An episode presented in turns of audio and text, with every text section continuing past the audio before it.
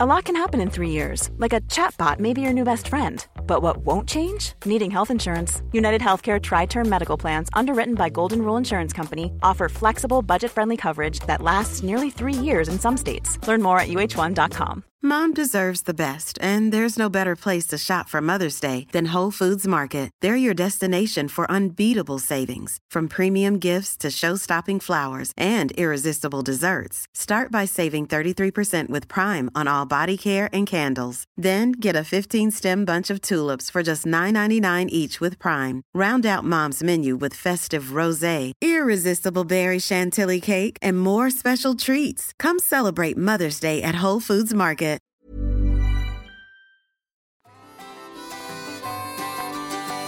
Hej och välkommen till Toppjakt! Eh, Det är morgonpodd.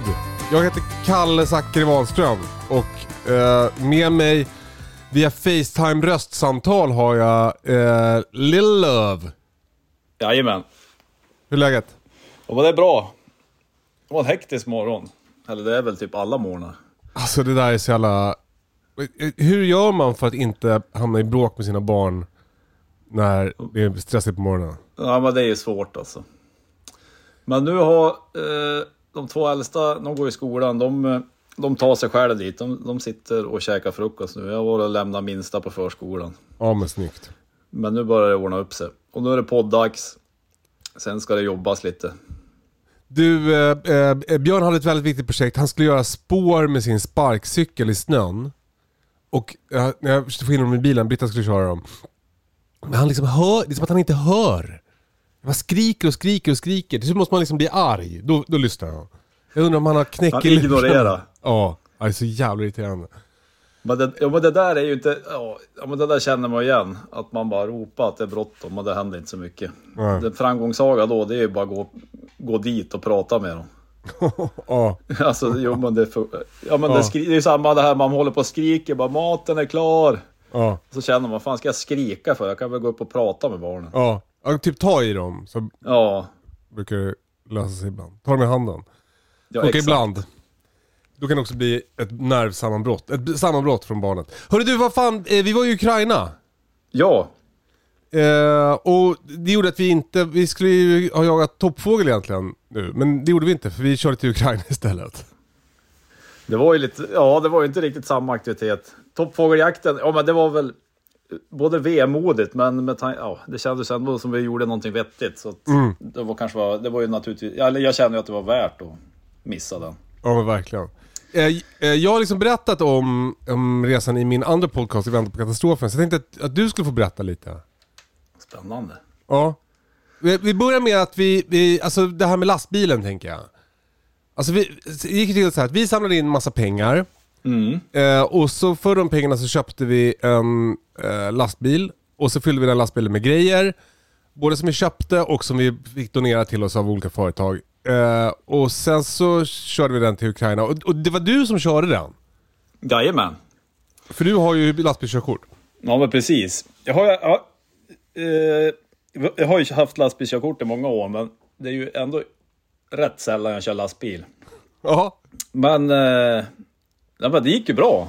Vad hette den? Scania P94? Ja, precis. Vad var den? Typ 20 år gammal. Mm. Manuell. Ja, men det var ju kul. Jag, det började ju med att eh, jag skulle hämta den där uppe i Vallentuna. Alltså ute på ja, landsbygden i Vallentuna.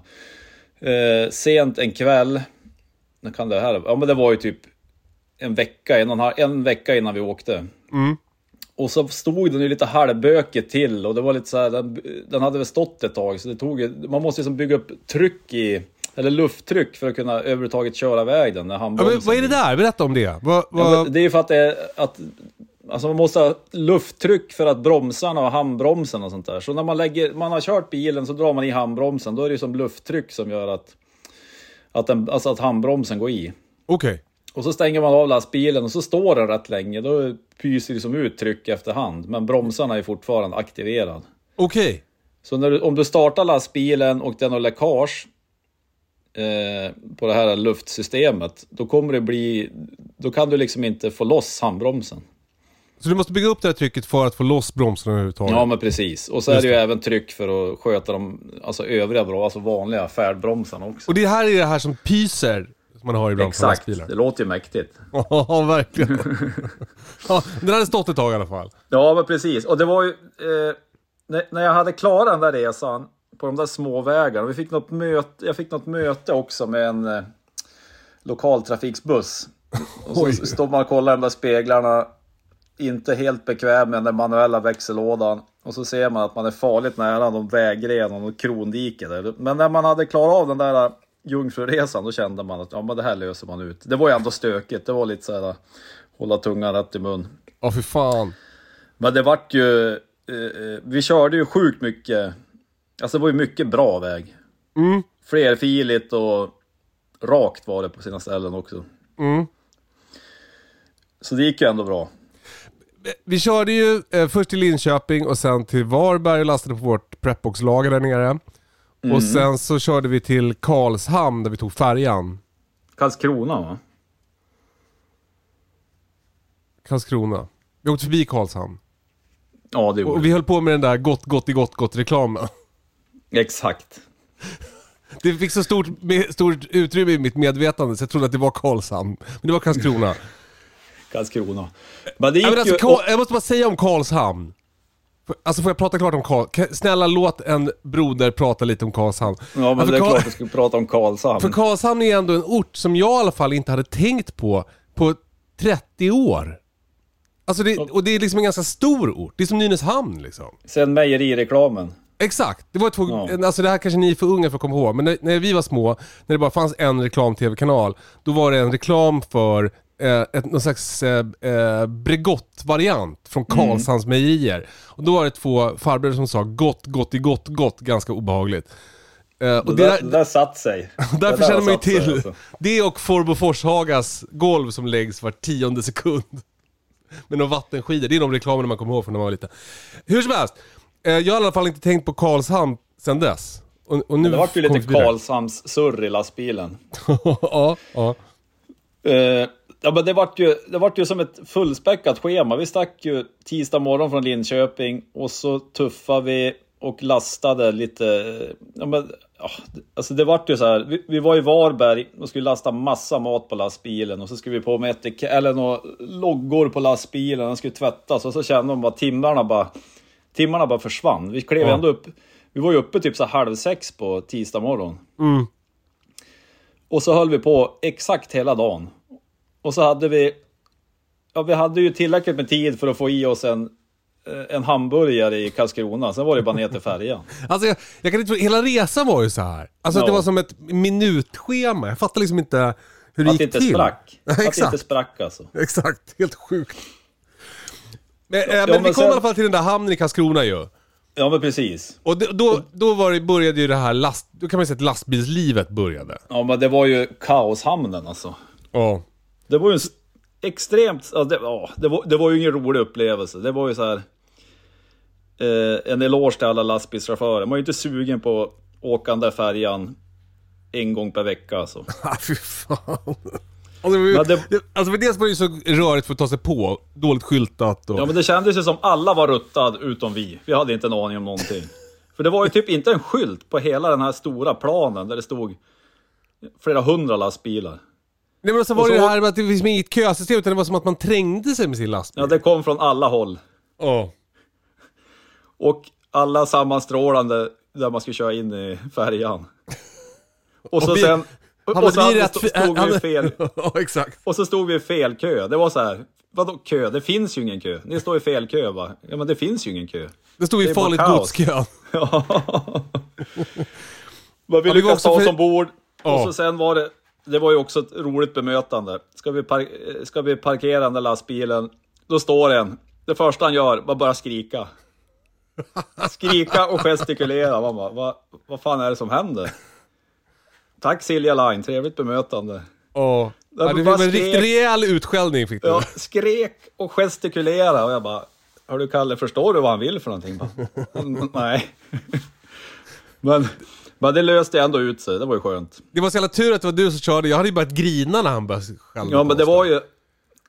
antingen köra över han, slå han på käften eller bita sig i tungan och försöka förstå, förstå vad han vill för någonting. Sen spräckte han ju vår backspegel också.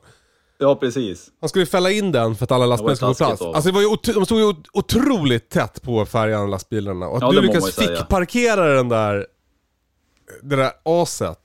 Det var, det var typ imponerande. Men det, det löste ut sig. Och så sen var det ju upp på hytten. Och sen var det Truckers Lounge. Berätta om Truckers Lounge. Ja, men det var ju... Ja, men vi- först när vi skulle gå dit, då var ju eh, våran fotograf som vi hade med oss, Jakob, ha- han hade ju... Han hade ju, då var det hans tur att bli utskälld. För han hade filmat lite och så stod det någon välbyggd ordningsvakt typ, fram, eller utanför den här Truckers Lounge, som blev förbannad på honom för att han filmade. Kan man säga att han var nidbilden av en polsk dörrvakt? Ja, men det måste man ju ändå säga. Alltså han hade ju biceps som min midja. Han har kört lite överkropp. Och Och han så- såg ju också, han såg ju något barsk ut. Han såg ju typ förbannad ut över tid. Alltså han var ju less också. Men det var, alltså men känslan fan, var väl att... förstår man ju. Exakt. Alltså he- hela känslan var att alla var ju less. Ingen ville ju vara där. Det var bara, alltså alla var där för att de var tvungna. De där lastbilschaufförerna, de bara ska ta sig över. Det var, fast, ja det kanske fanns, det fanns ju några så typ par som var på nöjeskryssning.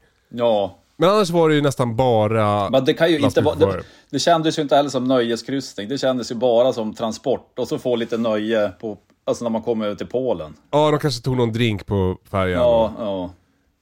Gröna ja det hissen. var ju...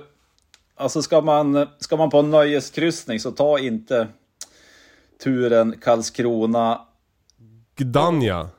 Gdanja. Den rekommenderar jag inte, för, inte som nöjeskryssning. Som transport är okej, men nöjeskryssning, ta någon annan färja.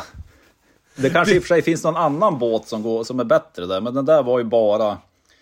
Det var trucker-transport helt enkelt. Det var ju jävligt starkt eh, när klockan fem på morgonen så började I am sailing spela i intercomsystemet på färjan. Och, det, och det sjuka, det var ju att jag trodde att det var du som hade den som Och jag, låt på jag din trodde att det var väckning. du som hade den som väckningssignal. Jag var jävla påpasslig tänkte jag. Var helvete, bara, stäng av telefonen. Vad fan är I det am som sailing. ja men det var ju... Och, och när vi på onsdag morgon där, då, då vaknade jag upp med en begynnande redig mancold alltså. Fy fan, stackare. Till råda. Nej men, alltså och det, den där eskalerade ju. Alltså det är ju ingen synd om det, men det var fan, man fick fan bita ihop. Jag var inte i toppform under resan om man säger så. Det, men återigen så var det ju tur att det var du som inte var i toppform. För hade jag varit i, inte i toppform, då hade vi ju fått höra det mycket mer. Och då hade det liksom fått ta större plats. Men du, du som flyger lite under radarn med sånt där. Ja fy fan, jag satt och... Åh, jag nös och snor, bara, det bara rann snor i den hela lastbilen. Näsborrarna var... Jag höll på att torka sönder för att jag snöt mig så mycket. Det var kanske tur för dig att du inte kände någon lukt i lastbilen. För det, det luktade ju inte socker där i direkt. Ja, det kan jag tänka mig. Eh, men vi, sen brände vi en massa motorväg i Polen i alla fall. Ja, men precis. Eh, och där hände det väl inte så här jättemycket. Det, det var väl som det var. Ja, Eh, det var, var en, bra, svinbra vägar var det ju. en, en imponerande grej tycker jag också var när du, eh, när vi var och köpte en, en extern hårddisk i eh, Polens motorväg till Kungens Kurva. Mm. Och du rattade lastbilen snyggt på parkeringen utanför där. Det. Ja, det var, det var ju kul. Det var Eh. bara, bara personbilar. Så man, när man åkte in där och insåg att nu, nu måste jag ta mig ut därifrån, då tänkte man bara fan körde jag in här för? Men det gick ju bra. Eh, sen eh, så blir det ju då torsdag morgon. Och vi börjar närma oss gränsen till Ukraina. Mm. Men du, jag har ju, får vi backa, backa bandet lite? Ja, vad, vad glömde jag? Ja, men vi glömde ju att säga att det, hela resan höll ju på att gå om intet i Linköping. När, när, när vi for att ratta och skulle la, lasta på ett lager ut på vischan i Linköping. Åh herregud.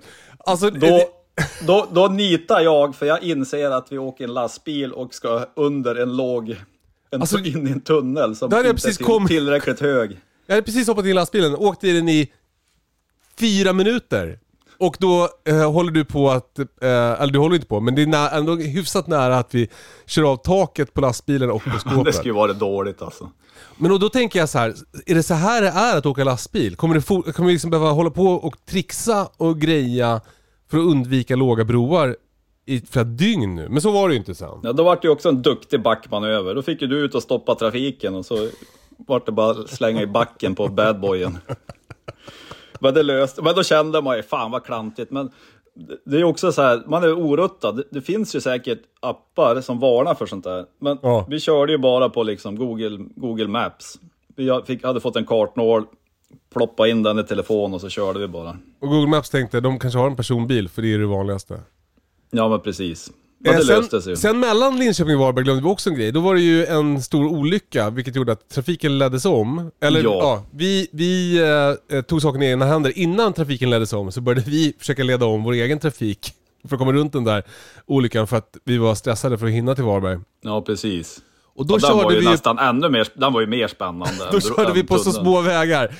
Eh, eh, Google Maps ledde oss, det var genom gårdsplanen på något ställe. Ett Ja. tag så var det ju inte ens hjulspår utan mer som en, Nej, som en bred remsa mellan två hagar. Och där det körde vi vår lastbil. sådär. Det var bra att det var kallt, för alltså den, då var den ju inte fullastad. Men jag tror den där vägen var inte op- optimal för en lastbil. Alltså. gick Nej, det var ändå spännande. Och så fick vi möte med en taxi, så jag fick backa också. Ja. Eh, ja, men det, alltså det kunde ju... Alltså det var ju, kändes ju inte riktigt nära att det, kunde gå på, att det gick på röven, men alltså det var nog kanske inte helt långt ifrån någonstans. Att det, vi skulle bli alltså fastnat där av någon anledning. Glider ner, det var ju smalt och jäkligt och så var det isigt på några ställen också. ja, segt att glida ner i diket innan vi ens kommit till Varberg. Nej, fy fasen. Men, spola framåt då. Nu är vi då på, på torsdag morgonen. Vi åker mot den ukrainska gränsen. Mm. Eh, redan, kan det vara en mil innan gränsen, så börjar man ju se bajamajor utplacerade Ja, precis. längs vägen, mitt i skogen. Och, och då börjar man ju dra öronen åt sig, så att säga. Eh, de skvallrar ju om att det kanske brukar vara ganska mycket stillastående trafik här, så att folk behöver gå ut och gå på toa. Ja, exakt. Och mycket riktigt. Det kommer ju en lastbilskö som är... I alla fall kilometer lång är den ju. Ja, men var den inte typ så här... äh, Jag har för mig att det visade att det var typ så här 3,5 kilometer kvar till gränsövergången där vi började Ja. kö. Ja. För vi körde ju ganska... Ja, då, då kände jag bara, det här går inte att stå i. Jag hatar ju folk som tränger sig, men jag känner att det, alltså, det här är inte aktuellt. Det går... Det här... Alltså, jag vill, Återigen, skönt jag, att det jag var vill du som liksom inte körde. vara borta Jag vill inte vara borta ett dygn till på grund av att jag stått i kö ett dygn. Tror du att det hade räckt med ett dygn? Nej, jag vet. Alltså det skulle tagit så sjukt lång tid. Så jag gjorde ett val. Jag körde om hela kön. Det var så jävla snyggt. Så otroligt. Och, och då tänkte man ju, någon jävel är ju ruttna ut alltså. Ja. Alltså bara köra Men- ut men- och preja av dig. Men då kände man sig ju ruttad och bli utskälld på ett främmande språk. Så jag kände att då får jag ju ta det. Då spelar jag bara dum. Snyggt. Ja, men vi tänkte väl också det här med att vi hade humanitarian aid. Ja, exakt. Att det kanske kunde ge oss någon typ av förtur vid gränspassagen. Ja. Och det, det trodde vi ganska länge. Eh, för vi kom ju fram där, vi kom, då var vi bara ett par hundra meter från, från gränsen. ja, men precis. När vi, när vi ändå fastade bakom någon tankbil. Eh, och då, vi åkte ju i karavan med två mindre personbilar. Mm. Och så skickade vi fram dem till gränskontrollanterna för att sköta surret. Exakt. Och det gick ju bra. Alltså de, det känns ju som att surret sköttes. För Ja, men efter, precis. efter en stund kom de tillbaka till oss och sa så här, allt är grönt, ni kan åka fram, vi måste åka till en annan gränskontroll bara. Då, då kände det- man sig som en jävla kung. Ja men verkligen. Och det där är ju också, alltså de som vi gjorde det här tillsammans med blågula bilen, de, de känns ju proffsiga. De hade ju också föranmält den här lastbilen. Så att, alltså det går att göra digitalt via någon hemsida. Så de, alltså, den var ju liksom föranmäld med regnummer och sådär. Och det underlättar väl också tänker jag. Alltså det underlättade vid den första gränskontrollanten. Mm. Den som också blev snackad med av våra kompisar. Ja precis. Problemet var väl att den gränskontrollanten, han hade ju liksom en... Han var ju bara spjutspetsen kan man säga på det långa, långa spjutet som var den polska gränskontrollen. För typ Han gjorde- 10 meter senare var det ju en ny gränskontrollant. Han gjorde första kontrollen. Ja. Sen var det ju tillbaks till det här eh, arga polska män som skäller på oss. Mm. Eh, för, för eh, ganska omgående blev vi stoppade av en militär som ville kontrollera vår last va. Och så sa han gun. Gun. Vi har, vi, har, vi har ingen gun. Han bara, your gun? Gun. We don't have any weapons. Gun. Alltså det var, först trodde han att vi hade vapen i lasten. Sen Ja. när han insåg att vi inte hade vapen i lasten, då var han helt säker på att vi hade vapen på vår person. Ja. Och det är bara så, jag, jag, jag har tänkt på det i efterhand. Alltså dels blir jag ju lite smickrad av att han trodde att jag hade vapen såklart. Men, eh, jag förstår också inte... Alltså finns det folk som kommer till gränsen som har vapen? Ja, men det, det är då kanske inte super ovanligt tänker jag. Ja, kanske inte. Eller alltså det är väl ovanligt, alltså, men det, då, för dem är det nog inte så här Nej, nej, speciellt märkligt. nej. Kanske är sant. Eller Ta så oss vidare frågan- genom eller den så här- frågan det till alla. Ta oss vidare genom den här... Gun. Den här gränskontrollen nu, Love. Ja men där kom vi igenom, då passerade vi första nålsögat i alla fall. Och sen? Eh, sen tog det stopp igen. Alltså jag har nästan glömt, det var ju så många olika steg, jag har nästan glömt alla steg vi gick igenom. Det Kort- var ju först en, kort- en, någon slags eh, plexiglasbur med spegelglas där det, där det öppnades en lucka och alla våra papper Ja. försvann in. Sen var det ett hus man gick in i en stund. Ja, Med någon kö, med någon apparat man skulle blippa in sig i. Det var ett kort som vi skulle ha fått som vi inte hittade, som vi sen hade fått. Det var en passkontrollant, en väldigt, väldigt snygg kvinna var det också. nu vart man överraskad. Ja. Eh, eh, som tog emot våra pass. Eh, och sen var det ju, sen hade vi någon slags flyktingkö vid ett tillfälle. Ja precis. Och då, var sen- vi, då var vi på fel ställe Vi igen. var ju på fel ställe igen. Eh, men så småningom kom vi se över på den ukrainska sidan. Ja. Hur var känslan när vi gled in i Ukraina tycker du? Ja men den var ju mäkt, eller det var ju skönt. Alltså det var ju det här, alltså det här själva, från första kontrollen i Polen till sista Ukraina, vad tog det? Typ sex timmar? Mm. Och vad hade vi, hur långt hade vi förflyttat oss? 700 meter? 700 meter ungefär. Typ. Eh, som ett riktigt långt tjäderskott. För det var ju också så många gånger man tänkte, japp, nu är vi igenom. Så bara, nej, vi ska dit bort och göra någonting annat. Så stod en så jävla vi- kon. Och det var ju en, en eh, underbar ukrainsk kvinna som pratade lite engelska. Det var vår sista kontakt eh, innan vi kom igenom. Och då, frå- bara, eh, då var det så här bara, kan vi åka nu? Bara yes. Bara, är det någon mer kontroll? Bara, no. You're in Ukraine eller hon sa ju något sånt där. Man bara, Ja. åh fan äntligen alltså. Och så jag frågade, får jag filma när du stämplar våra dokument? Då förstod hon inte riktigt vad jag menade tror jag. För då, blev, hon- då blev hon sur sen. Ja, då vart hon sur på det. ja, men det var ju också, det, men det var ju så jävla skönt att det bara var klart. För, för man är ju inte gjord för sånt där. Alltså, alltså de här lastbilschaufförerna som, inte vet jag, det är säkert de som åker där veckovis eller flera gånger i veckan. Ja. Men de får väl det- betalt, alltså det, för de är väl liksom skönt att komma ur lastbilen en stund. Ja, men så lär det kunna vara. Vi vill ju bara alltså, komma fram. men det är ju så här, man skulle kunna få hur mycket betalt som helst. Man skulle ju inte vara sugen på att göra det ändå, tänker jag. Nej, det är sant. Men, eh, Alltså vidrighetstillägg på... Mm. Kötillägg. men det, då var det ju också, vi tyckte att vi var ute i god tid. Vi startade på morgonen, inte så långt från gränskontrollen, men då var ju ändå klockan, vad var hon, typ 17, 18? Det var ju kolsvart ute. fall. 19.30 tror jag vi kom Det var igenom. 19.30 till och. Ja. Och då började det närma sig utegångsförbud. Och då hade vi ju ett gäng mil kvar att köra. Och då var det ju bara du och jag, för de andra kom ju inte igenom. Nej, de andra fick åka till en annan gränskontroll och kom inte över där heller utan fick hålla på hela natten och härja. Det var, det var Lill-Ove, Kalle och Badboyen, Scania P94. Och Ukraina. Och ja, och det var ju, då var det ju inte en gatlykta. Nej. För det var, det var ju tydligt att eh, det var någon, alltså elransonering helt enkelt. Mm. Sen började vi tuffa på där och så var det massa eh, neonlysen. Alltså jag tror, det var, jag tror det, jag var nästan säker på att det var växlingskontor.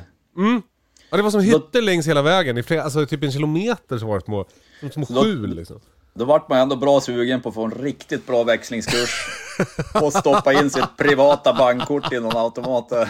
Och, hopp- och hålla tummarna bara. Hoppas på det bästa. Ja. Men, men det där var ju lite... Ja, men det, man såg ju att det var... Alltså, det såg ju annorlunda ut än på polska sidan. Det var mycket... När vi väl kom in i lite bebyggelse så var det ju väldigt mycket färgglada trähus. I Polen var det ju väldigt, väl, eller är det ju väldigt, väldigt, väldigt mycket stenhus. Eller Just det. betonghus. Men i Ukraina var det lite mer trähus. Och många var ju väldigt här, färgglada, turkosa och... Var inte känslan av att det, det var så precis i början men inte sen? Ja, så kanske det var. Jag minns de här lekablockhusen i avancerade, men färgglatt hade de ju, var det ju även i Butcher för sig. Det, det, pastelliga hus var det där. Ja. Ja. Men sen tuffade vi på där och så hade vi ju en bit i motorvägen. Det, var näst, det, där, det där var ju nästan härligaste körningen på hela resan. Håller med. Och så vart det ju så här katastrofdålig väg på något ställe och då kände man ju fy fan. Och då körde jag, li, jag körde ju lite för fort när jag insåg att det här är ju katastrofväg. Så man kände Ja. bara, åh ingen punktering här nu. Och det det skulle också varit segt. alltså. Men och då Eh. var också känslan av, alltså det var här, det var det mörka, det var liksom, eh, eh, man såg inte det gick folk längs vägen utan reflexer så det var lite läskigt, det var, vägen Ja, det var det dålig. ju. Då tänkte man ju så här, nu, nu känns, nu är vi liksom i, nu har vi kommit till en ny värld, här är liksom, eh, det är hårdare, det här, nu är vi i krigszon liksom tänkte Ja, men lite, ja, lite den känslan. Kanske inte krigszon, men det var ju också så här. Det var ju någon gubbe som gick i helt jävla, alltså typ svarta kläder efter vägen. Man kände, oh fy fan, där gick Ja, den. Alltså ja. typ när man passerade. Och så var det ju någon, var ju någon hund som var ute och sprang på vägen också. Det kändes ju också Exotiskt liksom. exotiskt och kändes ju, skulle ju vara svintrist om man skulle kört på den där. Ja. För man kan ju säga mycket gott om Bad Boyen Scanian, men, men den, stannar ju inte på en femöring om man trycker på bromsen. Det är ju en sak som är säker i alla fall. Hur mycket lufttryck man än har byggt upp. Ja, precis. Men vi tuffade på där. Vi var mitt ute i någon skog med ma- massa ris efter vägarna. Så det var nästan som, det var ju inte en tunnel, men det var ju så fränt när man drog på eh, extra ljusen. Alltså det var så här svintät vegetation efter vägarna. Och så var vi helt själv, mitt ute i skogen kändes det som. Fan vad intressant att du säger det, för jag kollade på Google Maps, vi åkte också förbi då Tunnel of Love. Det kanske är var den eller? En, eh, ja men det var ju en tågräls. Alltså det var ju se- en sevärdhet som man kunde åka och besöka. Det här är ett tips till alla som är sugna på att åka till Ukraina. Kanske efter kriget, jag vet inte. Men då var det så här en, en tågräls där de hade, de hade eh, planterat träd bredvid för att träden skulle växa över tågrälsen för att gömma den för flygspaning. Alltså som någon slags militärgrej. Och nu var den då liksom nedlagd och nu kunde man gå där och det var väldigt mäktigt. Det kändes ju inte som läge där på kvällen, men Nej, det hade varit mysigt att gå med dig Tunnel of Love. Ja, men vi kom ju till slut vi kom ut på en motorväg efter ett tag och sen, sen var det ju inte rolig körning. Då var det ju bara typ eh, motorväg. Eh, bitvis världens rakaste motorväg. Mm. Och eh, en lastbil går ju 90, varken, ja den går ju inte någonting mer än 90. Så är det. Ja, så då Hur gärna får man bara vill. tuffa på. Ja, precis. Men vi kom ju fram till hotellet på kvällen, jag vet inte vad klockan då, halv elva, elva eller? Mm. Och så var vi ju svinhungrig. Och så vart vi ju själv där i restaurangen och fick ju, ja men det var ju en helt sjukt god middag måste jag säga. Ja, väldigt god. Väldigt, väldigt god var den. Vad fick Eh. vi? Kött, en köttbit, Ja, en sås, ja, en potatis. en potatis och en öl. Gott. Och sen var man ju, alltså sen var man ju rätt redo för sängen. Ja. ja, ja man, man har suttit i lastbilen hela dagen men man var ändå helt slut. Ja men jag tror också det var det här med alltså, gränskontrollen, att det tog, det tog lite energi. Ja. Eh, Det var ju inte fysiskt ansträngande, men skallen fick ju jobba lite och man fick anstränga sig lite och försöka, försöka få folk att skälla så lite som möjligt på en. Se snäll ut. Alltså jag fattar inte den där taktiken de kör, att de bara pratar högre och tydligare på ett språk man inte förstår. Och, ja, precis. You speak English. Och så säger de samma sak igen på ett polska eller ukrainska. Och så man bara, högre. I'm so, I'm so sorry, I don't understand. Man bara, ännu högre. Ja, så kan det gå. Eh, det, var det ju, är det var ju samma taktik som du körde med Björn i morse. Ja, för, I och för sig sant. Ja. Det är kanske något. lite så här frustration, tänker jag. Ja, måste vara det. Och jag, jag, alltså jag, jag brukar köra samma, alltså jag, omedvetet kör jag också samma taktik mot mina ungar, så jag är, inte, Jag är, inte, jag är inte bättre än dig. Det var inte så jag menade. Nej men det var, det var ju fan sant. Det, det ska Ja. vi lära sig. Ja, precis. Fast de förstår ju vad man säger. Ja, de väljer att ignorera det bara. Ja, exakt. Ja. Det är ändå kärv stil. Eh, Det är fredag morgon, vi vaknar i ett hotell i Rivne. Ja, Eh, ri- Alltså, det, det där det, det är inte hotellet- o- oriddartema på hotellet direkt. nej. Och det där stället skulle man ju lätt kunna åka. Alltså om man ska, alltså det här kriget tar slut förhoppningsvis ganska snart. Då skulle man ju lätt kunna åka och semestra i Ukraina. Verkligen. Alltså Det det, är är så ju kul. Mm. känslan. Ja. ja, men vi vaknade där i alla fall. Och så sen skulle vi tuffa till Kiev. Vad hade vi dit då? Fyra timmar eller något sånt där. Mm. Och så kände vi att vi hade bråttom i vanlig år. Det vart ju en sen kväll, tidig morgon igen. Det är nu Och vi åker på världens rakaste motorväg. Ja, och vi sket i frukosten. Eh, vi köpte en kaffe när vi checkade ut och så sen kickade vi igång Scanian. Sen var det bara dundra på igen. Alltså var det 10 mil raksträcka? Ja, men alltså det var helt sjukt. Vi kollade också på den här på Google Maps sen. Det är som att de har tagit en linjal, dragit ett streck, sen byggt en motorväg. Men, och nu börjar man ju också se lite liksom, spår av, av kriget kan man säga. Mm. Va- va- vad ser du? Ja, men vi ser, ja, men jag ser, vi ser ju att de har bombat. Alltså, det, det är känslan är ju att det har varit fabriker. Alltså, det var ju något jätteskal. Alltså som att det var en plåtfasad på en jättestor byggnad som var helt utblåst. Det var ju som att de här jävla plåtväggarna, det var bara skit liksom. Att de Ja. hade bara... Alltså som att det hade... Som en ballong. Någonting har kommit in, någonting stort, tungt, exploderat och så sen har det bara blivit skit av allting. Det måste ändå varit en rejäl bomb. Ja, det där var ju en... Där skulle man inte vilja vara när det där gick av. Ja. Och det såg vi ju ett gäng sådana på vägen in mot Kiev. Och det var ju mycket checkpoints, mycket både poliser och militärer kan man ju säga. Mm. De hade grävt värn, de hade sagt, eh, var beredd, alltså det var sådana här stridsvagnshinder som var efter vägarna som de var beredda att liksom släpa ut om det skulle bege sig. Just det. Eh, vi vart invinkad av en polis. Eh, men det gick ju bra. Mm. Han insåg att det var humanitärt stöd. Så jag var ju... Han tittade var en snabbis på körkortet. Och sen vinkade oss vidare. För det var ju någon sån här typ tung trafik. Det var ju någon vå. Han hade ju någon kontrollplats där. Så det var ju skönt. Det var ju, det var ju knappt vi behövde stanna. Det var ju bara att gasa vägen. Det var ändå fint. Ja, men sen kom vi in till Kiev. Eh, det var ju mycket trafik in i stan. Vi skulle ju typ mitt in i smeten.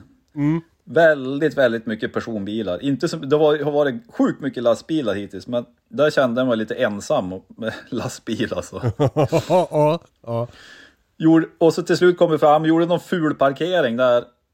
Eh, det var ju också så här, vad var det, typ fyrfiligt mitt inne i stan, och inte så långt från någon gigantisk korsning. Och så bara, åh fy fan, där är stället. Hur, då tänkte man, hur fan ska jag få in lastbilen dit alltså? För att kunna vi- lasta av. Tar dig över de fyra filerna och sen kör upp på trottoaren och fick parkera. Det var ju väldigt Ja, det var också. ju, det, det var ju små, små rattrörelser och koll på, koll på backkameran. Mm. Men då hade man bra backhjälp. Du hjälpte till och så säger någon ukrainare som var beredd, ja men som vinkade in med det. Ja. Men det var ju, ja det var ju lite spännande. Och det här, nu kommer vi alltså fram till det här centret som, eh, som den här organisationen I Mariupol Ja men precis. eh, har i, de har ju massa sådana center runt om i Ukraina. De hade Mm. två i Kiev. Och eh, det var de som var mottagare av vår last. Ja men precis. Men det var ju, det var ju skönt att vara framme. Det kändes som att, ja men det var ju som, då hade vi, le- eller, ja, då hade vi levererat det vi, det vi ville leverera. Ja. Så det var ju som ett, det var ju som ett delmål på något vis. När vi Och så lastade se- lastbilen så hade vi ju eh, så här palllyft och, och gaffeltruck och sånt där. Men det, det jobbar Ja, de inte så mycket med i Kiev. Utan där var det istället eh, handkraft som Ja jädrar, lossade. det var langen går alltså. Det tog ju inte svinlång tid att tömma den där lastbilen. Det var ändå bra många ton. Mm. Sjukt mycket mat, elverk, motorsåg, powerbars, energidryck, eh, jackor och sovsäckar och... Ja, den var ju fullastad kan man ju säga. Ja. Och sen hade de ett förråd i källaren där de liksom tog in... Det var ju också proffsigt, man kände så här, de här att det, man fick ju en bra känsla, eller jag fick en bra känsla nästan direkt att man kände, här är ju som lite ordning, alltså det är ordning och reda. Ja. Jag vet inte om jag hade, jag kanske hade något, jag, min farhåga var ju att man skulle känna bara, vad fan, vart tar det här vägen liksom? Ja. Ja. Vem kommer det här till gagn? Ja. Men den känslan hade man ju, alltså det var ju väldigt, väldigt bra känsla. De bar ju ner allt det där och så sen liksom registrerade de vad de hade fått också. Det kändes som de hade ordning och reda och att prylar som skänks till dem kommer till användning på ett bra sätt liksom.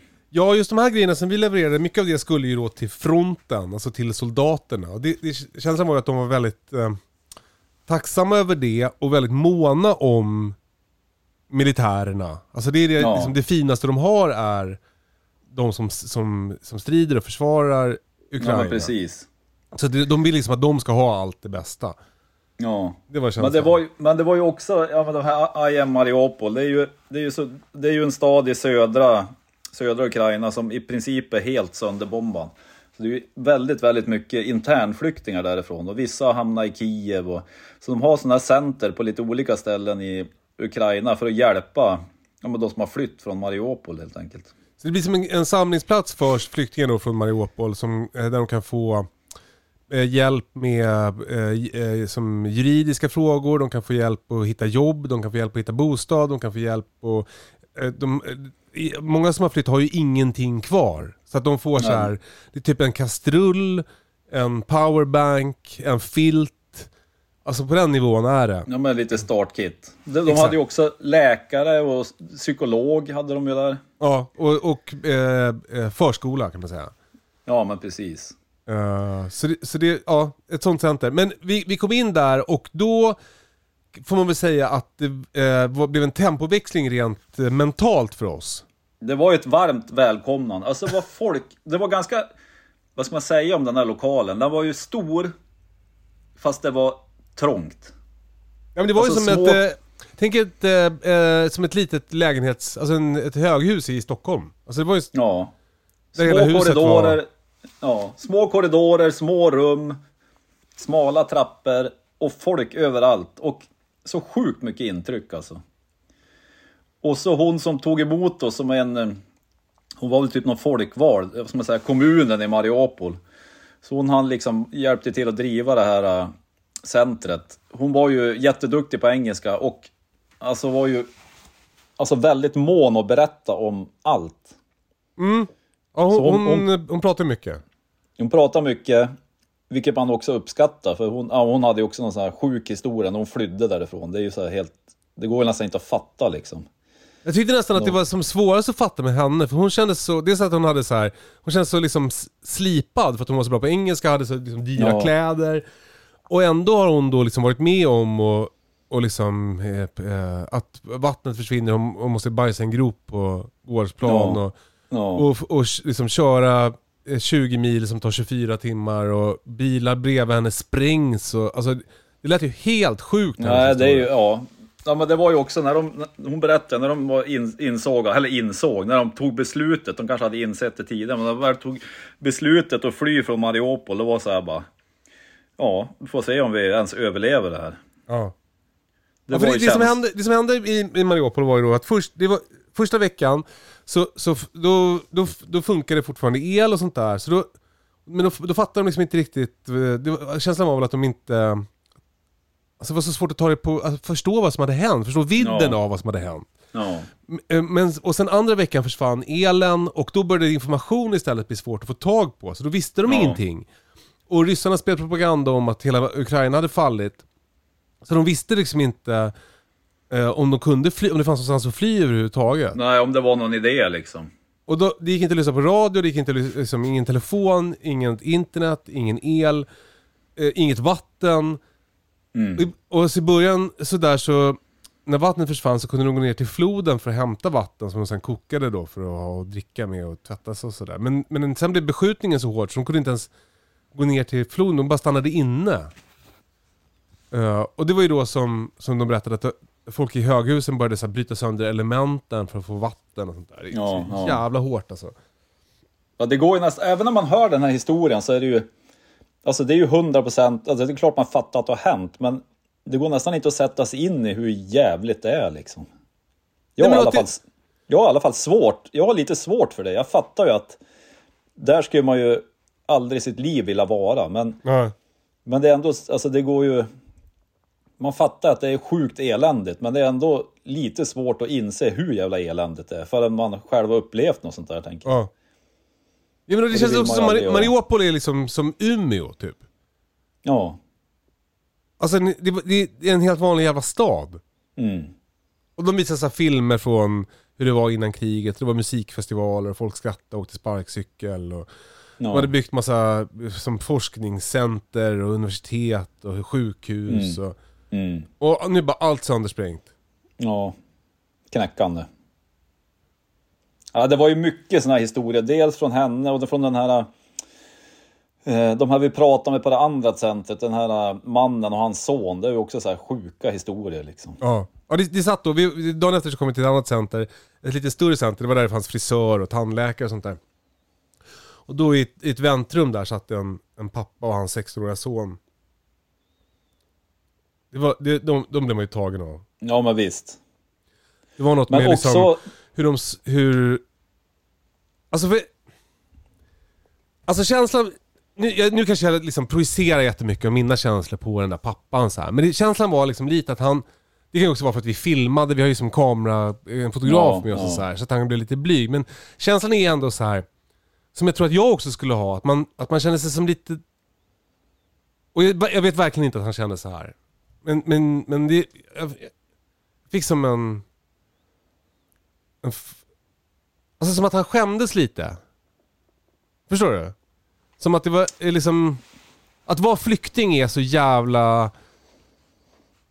Det är så... han, ja, ja, men det, ja, jag kan ju tänka mig känslan. De kanske hade det hur bra som helst där och ett hus som de tyckte var ett, alltså ett fint hus och jobb och familj och hela köret. Och nu har de typ, typ ingenting. Nej men precis, och då blir som, eh, måste be om hjälp. Och det är ju liksom inte Ja. helt självklart för alla. Framförallt inte vi män är ju inte jättebra på att be om hjälp. För att vi vill gärna klara oss själva och så här. Och att ha liksom, eh, återigen nu projicerar jag jättemycket, men alltså, att kapitulera inför den där grejen och bara så här: nej jag, jag klarar mig inte själv. Jag, jag, måste, jag, jag behöver liksom, jag behöver gå hit, för jag behöver få en kastrull och en kudde. Och mat. Och mat. Det är så Ja. jävla... Alltså sådana här mest basala bara för att Ja. överleva. Ja, det, det var, jag blev väldigt tagen av det i alla fall. Ja, vilka jävla... Alltså det är helt sjuka. Alla, alla man pratade med hade alltså det var ju såna här sjuka människoöden. Det var så här... Ja, men bilar sprängs. Någon grann, när de är ute och lagar mat så är det någon granne som flyger i luften helt plötsligt. Ja. Det var ju tolken va? Ja, plöts, alltså helt Alltså- plötsligt, hon som var vår tolk ja, precis, så under resan. Alltså plötsligt bara berättar hon att hon, alltså, och, och att det är, att det inte är det första, alltså jag tänker, om jag hade varit med om det, det hade varit det första jag berättat för alla människor jag träffar. Ja. Men hon, hon, det kommer som så här i förbifarten efter ett tag att hon har sett sin granne sprängas. Liksom. Ja, jävla sjukt alltså. Alltså usch. jävla sjukt. Blä. Usch. Men det är ju... Men det var ju en, alltså den där dagen, det var ju mycket, alltså det var ju en stark upplevelse för man, dels att höra ja, men alla historier, alla människoöden, det är ju helt sjukt alltså. Och att man inser att alla, alla barn som vi träffade har ju också sett grejer, alltså kanske inte de, förhoppningsvis inte de här värsta, men de har ju också sett grejer som Alltså, inte, alltså ingen, eller framförallt kanske inte ett barn ska behöva se. Ja, men de berättar ju också det där med liksom hur, hur den där förskoleverksamheten funkar till som lekterapi för barnen. Att de, Ja, men att de har lite, ja men precis. För att de, och, och då så, och så sa de en grej som jag nästan inte orkade ta in, men det var så att, de, att, att många barn har förlorat sina kompisar. Ja, Alltså, fy fan. ja det går inte att fatta. Usch. Men eh, det var ju en sjukt hektisk dag. Man var ju helt, när vi kom till hotellet där sen, jag var så här helt... Det, dels, det kan ju, det får ni inte glömma, att jag hade ju en man cold. Exakt. Av Guds nåde. Men det var ju... Också kört lastbil 200 mil i sträck. Ja, men det var ju, alltså det var så här bara, nu, nu, nu går jag och lägger mig och sover. Ja. Vaknar klockan tio imorgon. Men, eh, ja, men det var ju så här sju- sjukt intensivt, sjukt mycket intryck, eh, sjukt mycket starka historier. Och så bara, ja, det vart så här patronur när man kom till hotellrummet. Det var som att luften gick ur mig. Bara, ah. Men vi gick ju faktiskt ut och käkade och gick på nattklubb sen. Ja, men det gjorde vi. Och, och det var ju också så jävla sjukt, för, för Alltså Kiev är då en jättestor stad. Alltså mycket större än Stockholm och Göteborg. Så det, det är mer som Berlin. Jag tror det bor, jag vet inte hur många det bor i Berlin, men det bor fyra miljoner i Kiev. Jag tycker också att det var lite likt Berlin. Jag vet fan.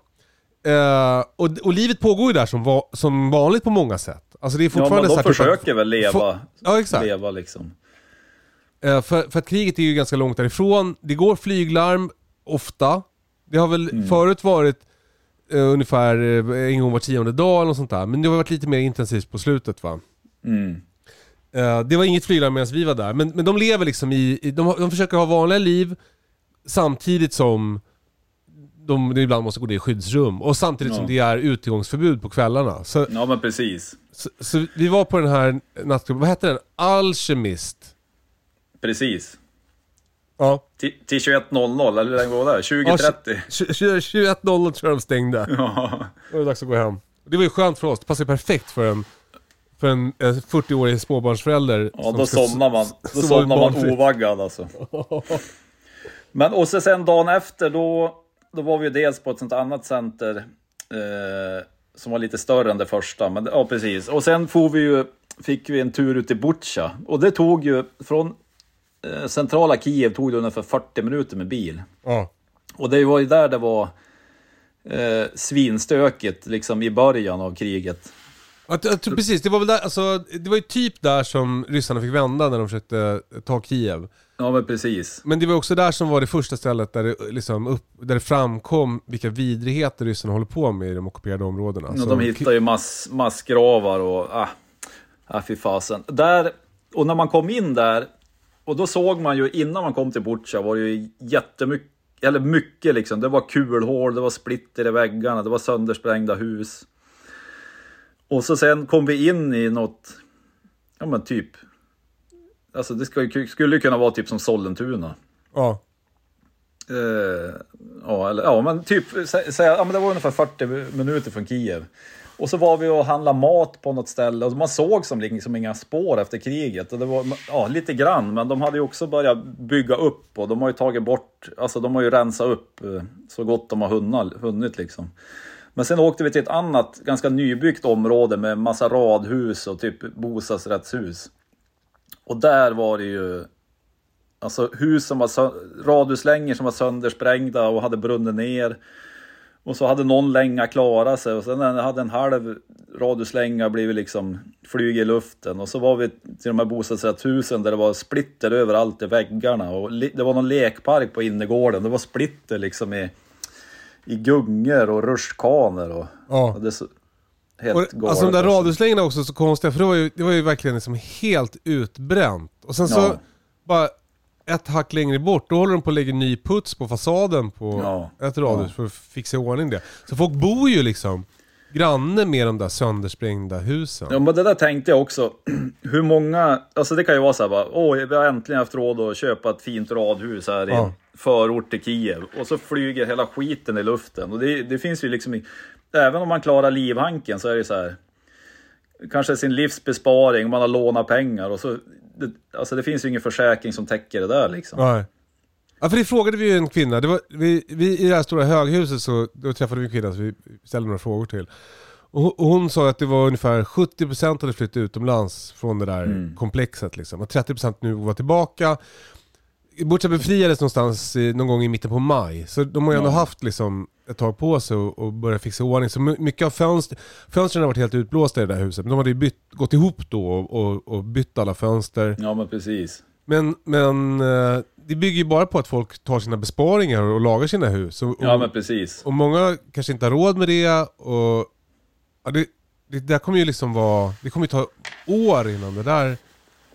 Nej, men det går, du kan ju tänka själv om, eh, om, om typ vå- vårat hus i Sollentuna skulle brinna ner så får man inte ut en krona på försäkring. Det är så här bara, eh, då, då är det så här bara, ja vad fan ska jag göra nu? Ja. Jag, får hyra en, jag får hyra en hyresrätt liksom. Ja. Ja, shit. Det, det känns ju som att det är få som har råd att bygga ett nytt hus om du redan har lånat och satsat pengar i ett hus som, som bara har gått upp i rök. Ja. Så även, som sagt, även om man klarar livhanken så finns det ju så mycket annat som liksom stökar till det. Ja. Du kan ju tänka i Mariupol, där lär ju vara, det är ju inte så många som har något hem att komma till, hem till om, när det där befrias liksom. Ja, de, de hade, vi fick ju så här som eh, presenter av dem, bland annat några, eh, som vykort, akvarellmålningar av kända byggnader i Mariupol. Mm. Det var väl ett tiotal olika bilder som man fick se. Det var en av dem som, var, som stod fortfarande, allt annat Ja. var förstört. Eh, det var ibland där som den här stora eh, teatern, där det var en massa människor som hade gömt sig, blev bombad. Ja men precis, där det dog så många. Usch. Ja, för fan. Men... Eh, alltså det gav ju ändå... Alltså man kände ju så här, okej. de här grejerna, det kanske är som... Vi kommer ju ändå med en lastbil, det är mycket grejer men... Det, alltså det krävs ju sjukt mycket grejer för att hålla igång. Ja men dels alla flyktingar, det, det behövs så sjukt mycket grejer. Men det är ändå... Känns ju ändå som bra att kunna bidra på något vis tänker jag. Ja. Ja, vi hade ju med oss de här, liksom, några mindre elverk och ett, och ett jättestort elverk. Mm. Eh, Och det där jättestora elverket skulle ju, det skulle ju till ett sjukhus då som skulle ha det som nöd... Ja men precis, det där hade de ju till och med på... De ville ju ha mått och sånt där innan, för de höll ju på att förbereda. Jag vet inte om de skulle gjuta någon betongplatta och kanske bygga något skärmtak för att kunna ha det där utomhus och ha reservdrift till ja, men delar av det här sjukhuset i alla fall. Och det känns ju så jävla liksom, coolt att, att vi och den ja, kingen från Åmål som skänkte elverket kan, kan bidra med det. Det gör ju skillnad liksom. Ja, det må man ju säga. Han från anonyma hjälten från Åmål som efter arbetstid lastar, ja, lastar på det där, kör det där till Linköping, hjälper oss att lasta på det på lastbilen. Och det var man så här, fan, jag hade, det var ju också så här, jag var, höll på att joxa med allting. Det kändes som inte tiden räckte till. För man, det minsta man skulle kunna gjort det var i alla fall att bjuda karln på en kopp kaffe, men det fick, han fick inte ens det. Liksom. Sen bara, ja, jag åker hem till Åmål då, hej då. Ja, fy fasen. Vilken Ja. jävla hjälte. Ja det var ju verkligen... Men förhoppningsvis så är ju det på, eller det är ju nästan säkert på plats på det här sjukhuset utanför Kiev nu. Så det känns ju bra. Ja verkligen. Och Eh. sen, Vad hände sen då? ja men sen åkte vi nattåg hem. Eh, den var ju, den var ju också mäktig, tågstationen i Kiev, en gammal byggnad. Jättestor. Jag, jag, jag sa väl det då också, ofta är så här tågstationer i stora städer rätt häftiga. Och det var även den här. Och så åt vi någon pirog och någon pizza. Pizzorna gick inte att äta, det var någon sån här mikropizza. Pirogen fick vi i oss. Jakob käkade någon köper pastamatlåda. Vi hoppar på tåget. Jakob blir matförgiftad. Vi ligger och sover hela natten. Han, han går inte att känna igen på morgonen, han bara sluddrar. Alltså han har Stackarn. sovit då på fyra kvadratmeter med tre, främling, tre frä, främmande ukrainska medborgare Ja, och har varit matförgiftad. Och ja de- typ han- 40, 40 graders feber och spytt hela natten. Vi har ju fått några sms i vår eh, gruppchatt på, på natten. Vi är typ 01.53. Är det någon som har vatten? Vi låg och toksov bara. Inget svar. Så jävla Ja, hemskt. stackarn. Ja men då kom vi, vi vart stående ett tag på polska gränsen och så var det ju eh, passkontroll. Och så insåg vi att vi inte kommer hinna med flyget hem. Vi skulle flyga från Krakow, så då vart det ju vart det taxi. Lång, lång taxiresa, men det var ju lätt värt. Men sen när vi hoppade på taxin och insåg, och då fick vi veta att flyget var försenat. Exakt. Men vi, vi tog oss till Krakow, vi käkade lite mat, hoppade på flyget eh, till Skavsta och sen kom vi oss hem. Och det var också sjukt härligt att komma hem till Ja. fru, fru och barn. Ja, lyxigt Mm. är att kunna liksom åka tillbaka till det vanliga igen. Ja men verkligen. Och, och att, att man liksom, att det där finns ju liksom nu också. Men, men, men eh, och jag känner ganska starkt att jag vill vara, att jag vill hjälpa mer liksom. Att man vill göra Ja. mer. Men, men att kunna åka hem till sitt morgontjafs med barnen som, inte har, som vägrar ha mössa och ska istället ha keps fast det är åtta minus ute. Det, det är ganska lyxigt alltså. Ja men det är ju det. Och ja men det, det gav ju mer smak men det, och det är också lätt att man, alltså nu tänker man ju kanske, man kanske måste, också måste vara egoistisk. Men det är så här, ja, jag skulle ju supergärna göra det här igen. Men mitt liv tillåter kanske att jag gör det här, inte vet jag, en gång i halvåret liksom. Ja. Alltså det... Och man skulle ju önska att man kanske skulle kunna göra det en gång i månaden, men alltså det är ju typ... Jag får, det, jag, jag får inte ihop det liksom, det Nej. går inte. Eh, men det finns, ja, och det här, det, det är ju inte så att jag är något jävla välgörenhetsproffs. Det är ju, det händer att man skänker pengar ibland, men att man gjort, jag har ju aldrig gjort något sånt här tidigare och det kändes ju ja, men superfint måste jag säga. Ja. ja, det känns ju meningsfullt. Alltså, Ja. som att det, det är värt. Det Mm. känns jävligt värt. Verkligen.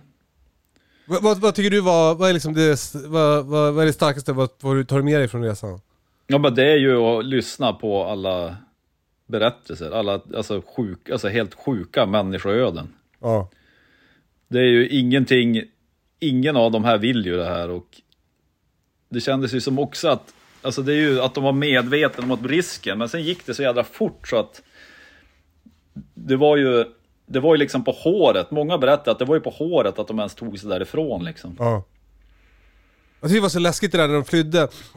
Och så skulle de åka de där 20 milen till Zaporizjzja och så var det en massa eh, checkpoints längs vägen. Jag tror att de sa att det var 16 checkpoints eller något sånt där med ryska soldater Ja. som kollade dem. Och att de gick igenom deras telefoner för att kolla efter komprometterade material. Alltså Mm. typ bilder eller sms eller... Så de satt liksom och kollade igenom deras chattloggar i telefonen i de där checkpointsen. Ja, Och att man kunde då bli som, de kunde ta telefonen, man kunde bli gripen eller skjuten. Eller, alltså, så jävla obehagligt alltså. ja sjukt alltså. Ja men det är ju de, det är ju alla historier man har hört. Ja. Och just när, när det är liksom en människa som berättar det, och som sitter precis framför en, då blir det ju... Alltså man har ju, man har ju historier liksom på... Alltså på nyheterna, men det blir ju en helt annan sak när man pratar öga, öga med öga mot personer som har upplevt det och har så här helt sjuka berättelser. Ja. Ja och Eh. eh, liksom att, eh, att, att, det fortfarande, att de fortfarande har fart framåt jag är så imponerande. Ja, Alltså som den här kvinnan som har kommit tillbaka till sitt höghus utanför Butja. Och det är bara helt, det har bott ryssar i hennes lägenhet. Allt är bara, de har stulit, tagit tvättmaskiner, bara gått igenom alla grejer, rivit runt, eh, liksom bajsat i korridorerna. Och så kommer hon tillbaka dit och ska, och bara såhär, nej nu ska jag fixa i ordning det här. det är ju starkt. Ja, Men alltså så jävla starkt är det ju. Nu, nu måste jag gå och kolla vad Blixtra har ståndskall på. Du, vad fan apropå det, jag måste ju prata om eh, senaste jaktprovet jag gick. Ja, men det måste vi göra. Eh, jo, jag måste prata om senaste jaktprovet jag gick ju. Berätta. Apropå ståndskall. Eh, alltså det här blir eh, eh, hyfsat eh, ämnesbyte får man säga. Men det, det, det klarar vi väl av? Alltså ni, Det ni tänker fattar? jag. Ja, bra. Det tänker jag att vi gör. Eh, nej men alltså, jag har på med det här jaktprovsprojektet med Kerstin eh, nu i, i vinter. Jag, jag, eh, hon har ändå funkat ganska bra så jag tänkte så här, jag provar, går några jaktprov. Se vad som händer. Jag bokade två stycken.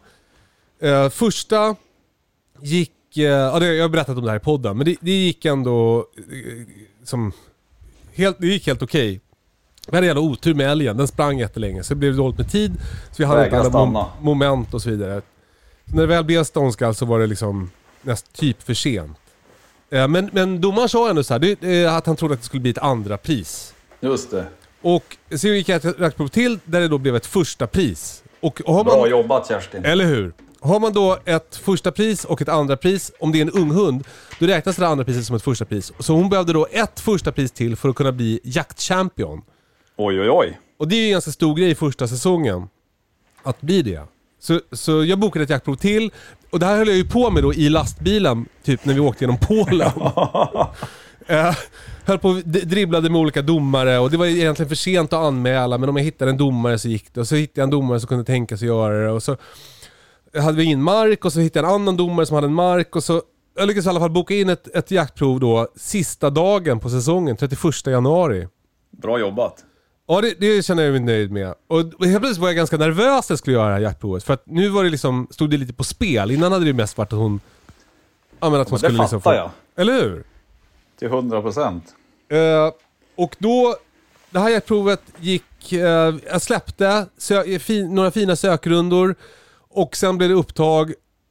Och, men det gick liksom lite skumt, det gick inte så o, det gick liksom lite oälgigt det här upptaget. Åh nej. Eh, och Kerstin har ju skällt gris någon gång förut, men hon väl, har alltid valt älg ändå. Mm. Eh, så jag tänkte det, kan, det skulle kunna vara älg, men det kan också vara gris. Så hade jag gått över något dike och då såg man på spåren efter, det var liksom som en jämn, tjock, blöt linje över en väg. De hade gått över ett dike. Ja, ja, ja. Och då tänkte jag så här, det där är ju inte en älg. Så bara, helvete. Men sen så såg jag på spåret på pejlen att det är som, ja men typ 800 meter längre norrut så, hade det, så vek det liksom 90 grader. Och så började det skälla.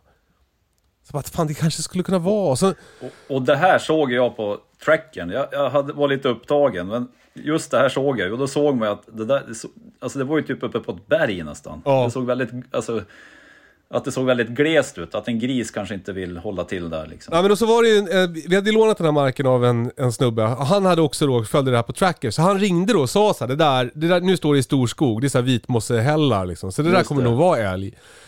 Eh, och mycket riktigt när vi kom fram, då, då, så- då smög vi typ, du vet 700 meter, eh, bra i vind, gick jättelångsamt, du vet, varje steg. Och sen bara försökte sätta ner foten försiktigt liksom så här. Och så kom vi fram, då är det världens eh, underbaraste älg som inte är rädd överhuvudtaget.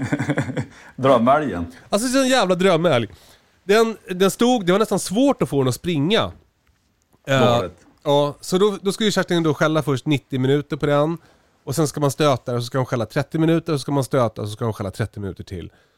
Och, och eh, det där gick ju jättebra. Det var inget problem att få att stöta. Det gick typ, kan jag åt 700 meter så blev det ståndskall igen. Då började istället problemet bli att hon skulle få ihop sina förföljande kilometer. För under jaktprovet så ska hon förfölja älgen 4 kilometer för att få ett högt betyg.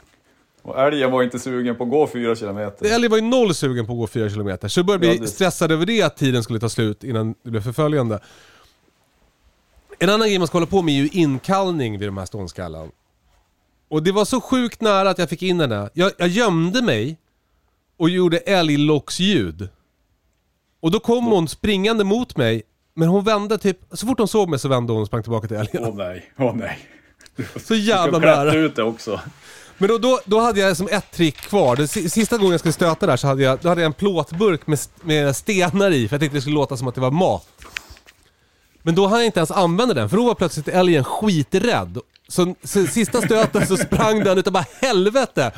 De var rädda att det skulle bli hundmat. Exakt.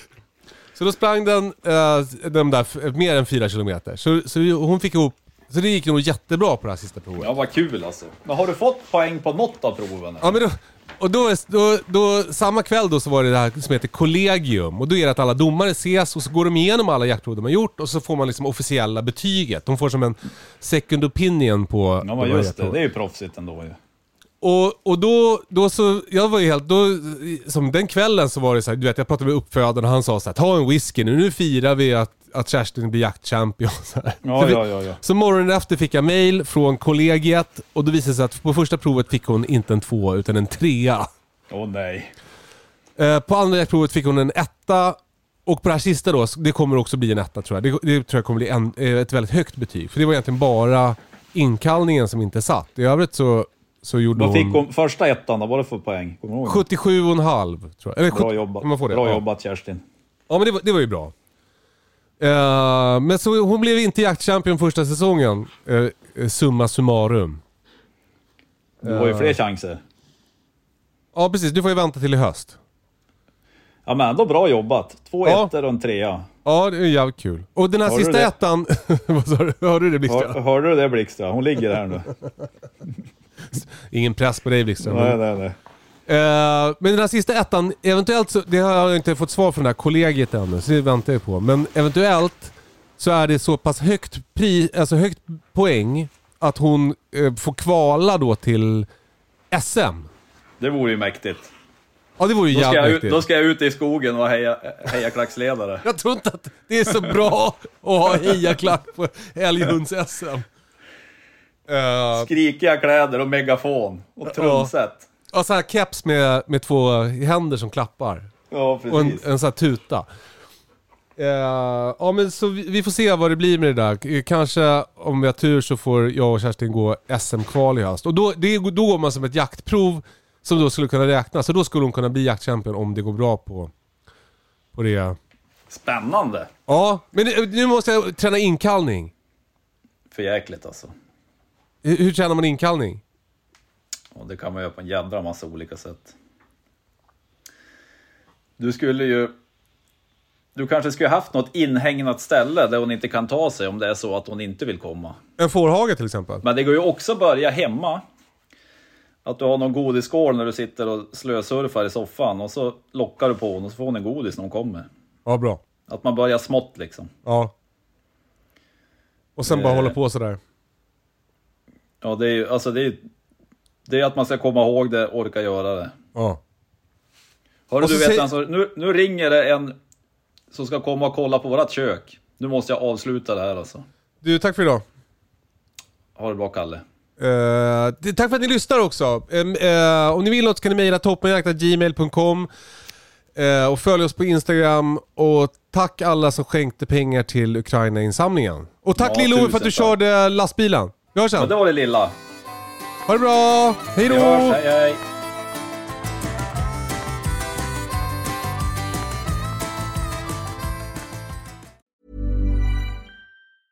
Hey, it's Danny Pellegrino from Everything Iconic.